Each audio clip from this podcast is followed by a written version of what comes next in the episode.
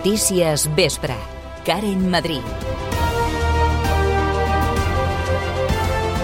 L'onada de calor ha de remetre en les pròximes hores després d'una setmana de temperatures extremes. Tot i això, no ha provocat incidències importants a la ciutat. Júlia Ramon, bona tarda. Bona tarda, Karen. Ni en taulí ni ambulatoris han registrat casos de cops de calor. Per contra, la Creu Roja ha reforçat les atencions a les persones sense llar.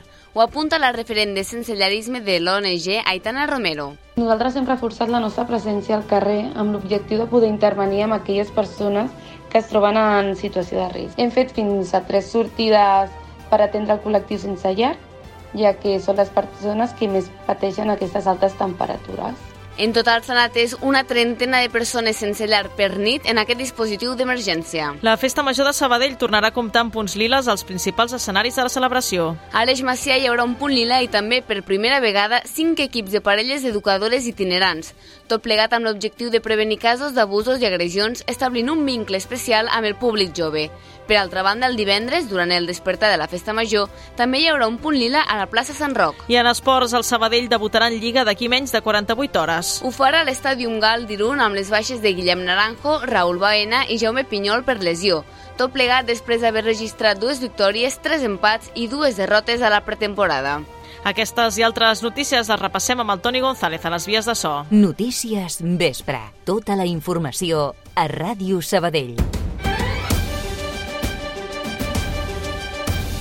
Els serveis. Aquesta hora situació encara tranquil·la a la xarxa viària catalana, sense incidències tampoc a les vies més properes a Sabadell. També se circula còmodament d'entrada i de sortida de Barcelona.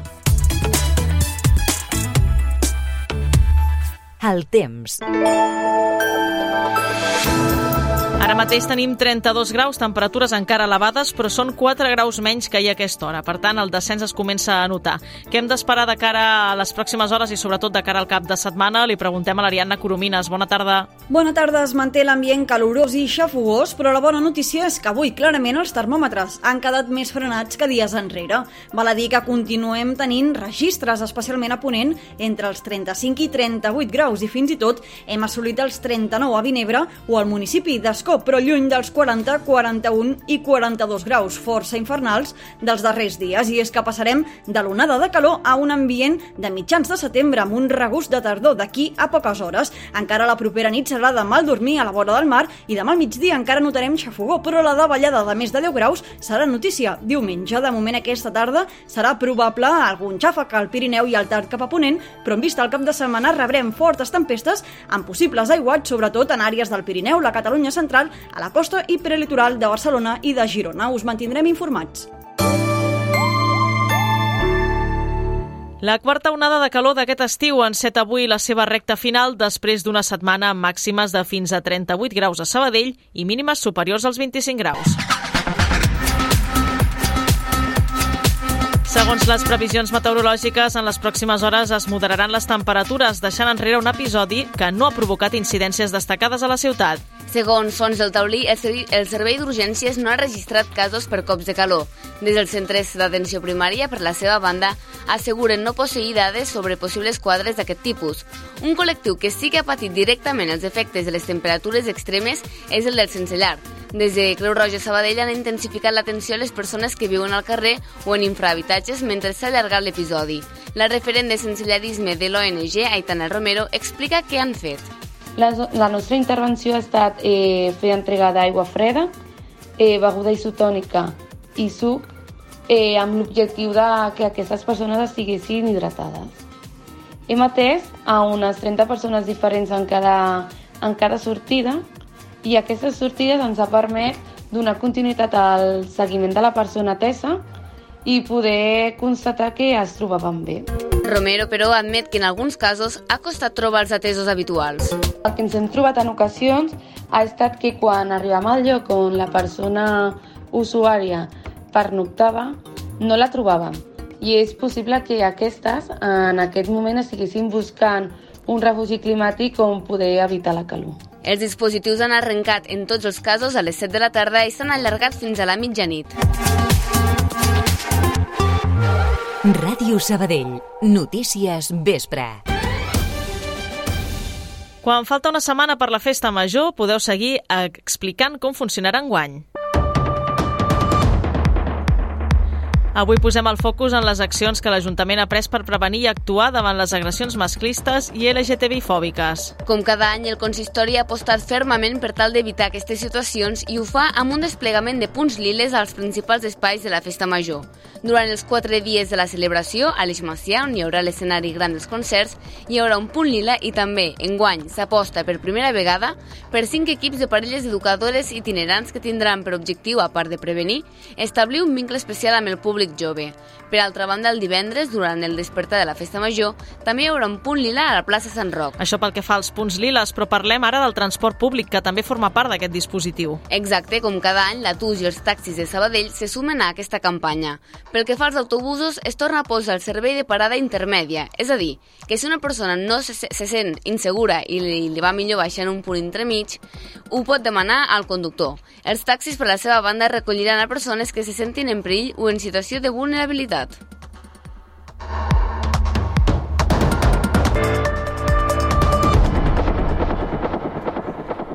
I una exposició feminista al Palau Robert ha pres com a referent la sadellenca Maica Garcia, considerada una de les millors waterpolistes del món. Es titula Jugo com una nena i es podrà veure fins al 25 de setembre. L'objectiu és revertir la connotació masclista d'aquesta expressió per empoderar a les dones i l'esport femení. A banda de trencar amb tots els prejudicis, l'exposició de la periodista esportiva Laia Tudel vol centrar-se en elles i en com se senten. Maica Garcia, ambaixadora de la mostra, s'ha expressat en aquest mateix sentit i, bueno, i això conscienciant el fet de que es pot fer esport i es pot estudiar i que, bueno, que és algo saludable també i que, i que no s'han de retirar tampoc amb, amb una edat, no? que al final sempre es pensa que la dona tenim una carrera més curta que els homes, no? això és per general pel, pel fet de ser mares i tot això, i crec que és algú que bueno, al final la carrera de cada, de cada persona doncs, està a la mà de cadascú, no? però, però que s'ha de, de gaudir d'aquest camí de fet, la capitana de l'Astralpool parla per experiència pròpia i ha explicat que els seus inicis en esport femení no van ser fàcils. Em diuen, bueno, pots arribar a un alt nivell, pots aconseguir estar a la selecció, quin és el teu somni, no? I jo, doncs, somiar és gratis, no? I per mi eren uns Jocs Olímpics i, i jo em veia, i en aquell... Llavors encara no havia estat ni a Espanya de, de waterpolo femení s'havia classificat mai per uns Jocs Olímpics i jo ho veia lluny, evidentment, però bueno, era un somni que podia arribar pel que fa a l'exposició en si, està dividida en quatre àmbits diferents on es combina la diversió amb la conscienciació feminista. Maica Garcia n'és una de les protagonistes, però comparteix escenari amb la jugadora de bàsquet Laia Palau o la futbolista Alexia Putelles. Tot i que la boia de Sabadellenca defensa que cal ampliar la mirada a la resta d'esports, sí que reconeix que amb el waterpolo ho han tingut especialment complicat. En el nostre cas, en el waterpolo, per exemple, és això és la visibilitat que es dona. És evident que, que el que ven doncs, tenim un esport rei, que és el futbol no, en aquest país i, i és com funciona, igual que altres països tenen altres esports reis, doncs aquí es fa molt, molta aposta per aquest, per aquest esport i, i bueno, crec que al final repartir tot això doncs és algo també de la societat, és una miqueta canviar cultura eh, esportiva. Jugo com una nena es podrà veure fins el 25 de setembre, d'aquí un mes exacte, al Palau Robert.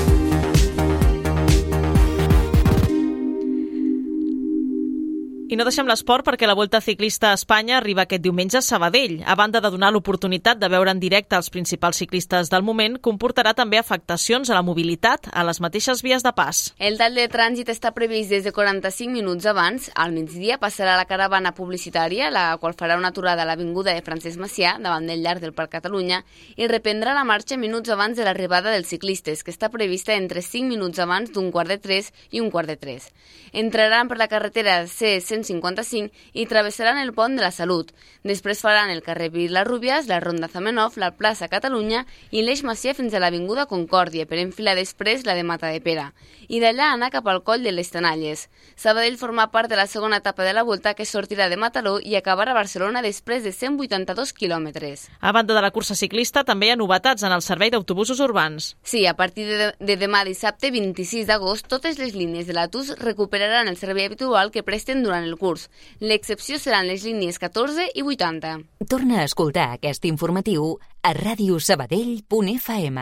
Les 10 propostes indispensables per descobrir el Vallès Occidental. Capítol 5. Descobrir la comarca a través dels seus productes locals i de dos museus ben destacats.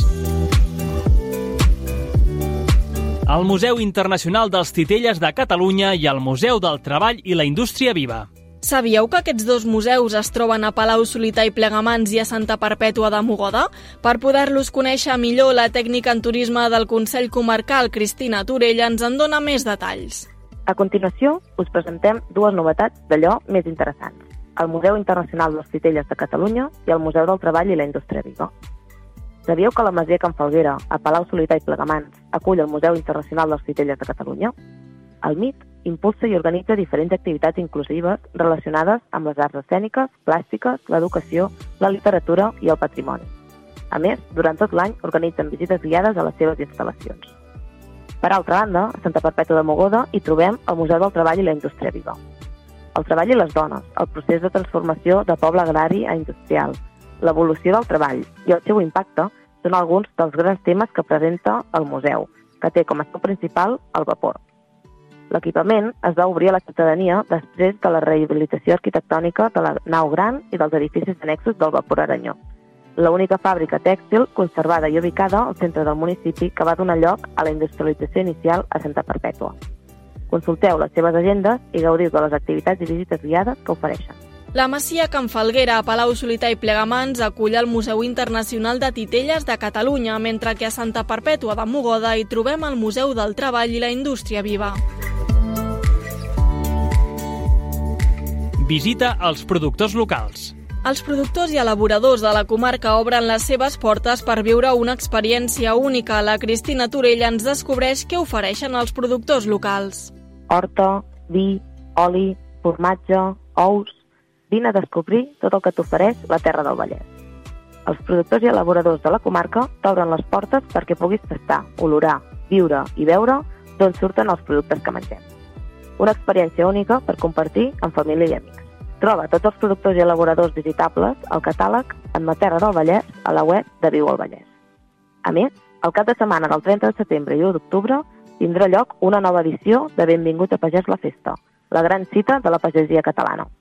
Per a més informació i per veure totes les seves activitats que es duran a terme, entreu a benvingutapagès.cat. En el web viualvallès.cat podreu trobar tota la informació relacionada amb els productors locals i les activitats que realitzen.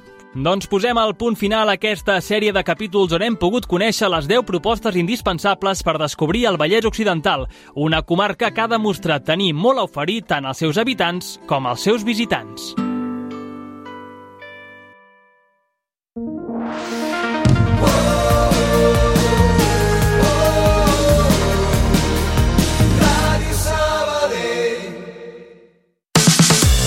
Coneixes l'app de Taximés? Descarrega-te-la i reserva un taxi còmodament des de la nostra app. Més informació a taximesapp.com. Taxi! Ràdio Taxi Sabadell, el teu taxi de referència a Sabadell. Ràdio Sabadell. Notícies vespre. Fora de Sabadell i la comarca. Luis Rubiales no dimitirà per la polèmica del petó forçat de Jennifer Hermoso. Així ho ha assegurat el president de la Real Federació Espanyola de Futbol a la compareixença d'aquest migdia a l'Assemblea Extraordinària d'aquest migdia celebrada a les Rozas. Rubiales, que manté que el petó amb la jugadora madrilenya era consentit, ha deixat clar que no presentarà la dimissió i que seguirà al capdavant de la federació. Després de les declaracions, el president del Consejo Superior de Deportes, Víctor Franco, ha assegurat que des de l'organisme s'han activat tots els mecanismes per inhabilitar Rubiales. El Tribunal Suprem ha desestimat el recurs presentat per PSOE per forçar el recompte dels vots nuls de Madrid a les eleccions del 23J. Els socialistes demanaven que es comptessin els 3.000 vots nuls d'aquesta circumscripció perquè ballava un escó entre el PSOE i el PP per només 1.323 vots. Segons els magistrats del Suprem, la petició del PSOE no reuneix els requisits exigits per la doctrina per dur a terme una revisió de vots, perquè la mera diferència numèrica en els resultats no és, no és base suficient. I 38 dotacions de bombers treballen a aquesta hora en un incendi forestal a Arbúcies a la selva ja estabilitzat. Els bombers que treballen en un perímetre d'11 hectàrees han demanat el confinament d'un càmping i de 13 masies. De manera preventiva, la policia local ha desallotjat les urbanitzacions de La Joia i Palau, donant marxa a una vuitantena de veïns. La prioritat dels equips d'emergències és el flanc dret per evitar que les flames arribin a un barranc. Esports.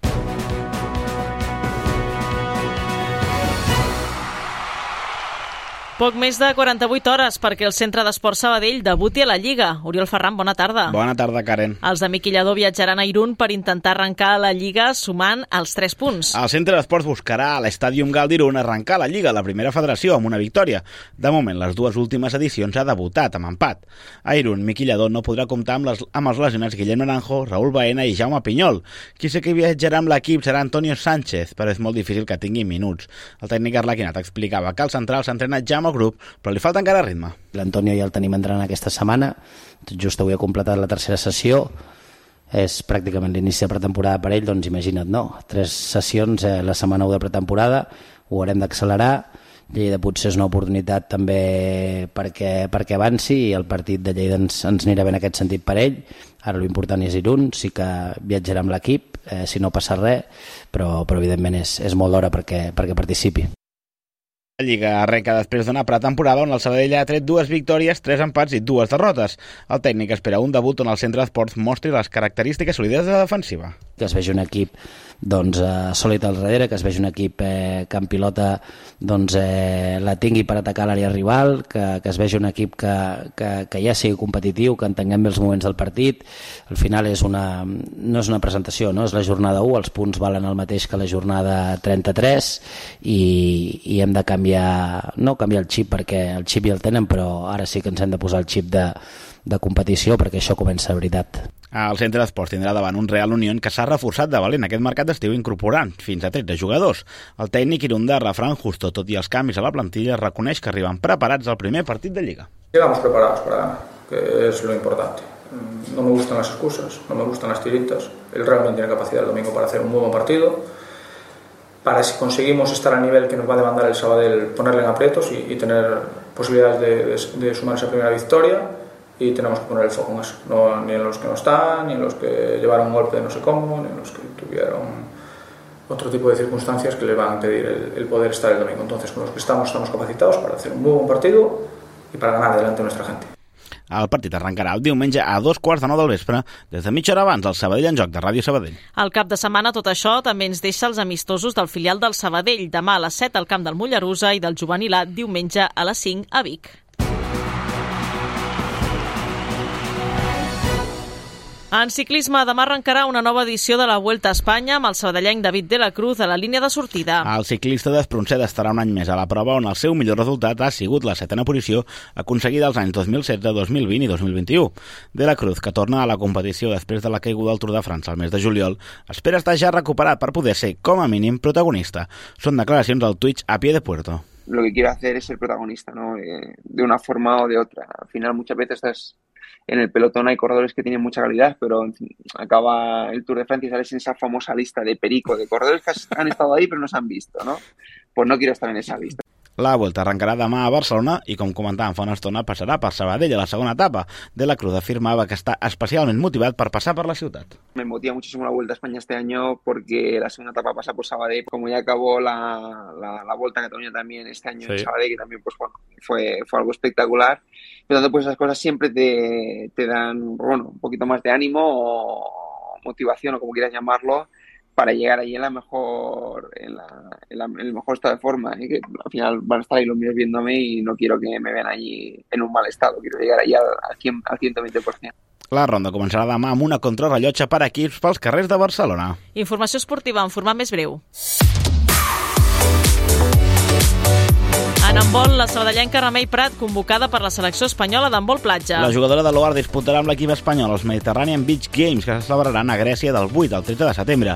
Mireia Torra, una altra habitual a les convocatòries de l'equip nacional, finalment no viatjarà amb l'equip. També en handbol, el primer equip masculí disputa aquest vespre el primer amistós de pretemporada. Els de Perellet s'enfrontaran als Bordils en el marc de l'estatge de pretemporada que els verd i blancs estan realitzant per terres gironines. L'enfrontament arrencarà a dos quarts de nou. I l'escola Pia de Futbol Sala incorpora un porter. Es tracta de David Loinaz, germà del també jugador escolapi Daniel Loinaz, que arriba procedent del filial d'Indústria Santa Coloma. Gràcies, Oriol. Bona tarda. Bona tarda.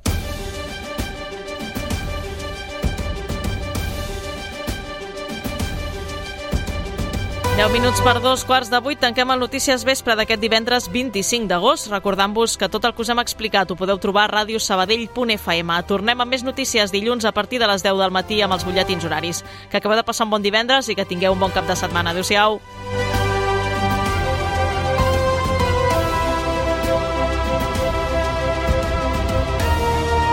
Allà on siguis, escolta'ns online. En directe.radiosabadell.fm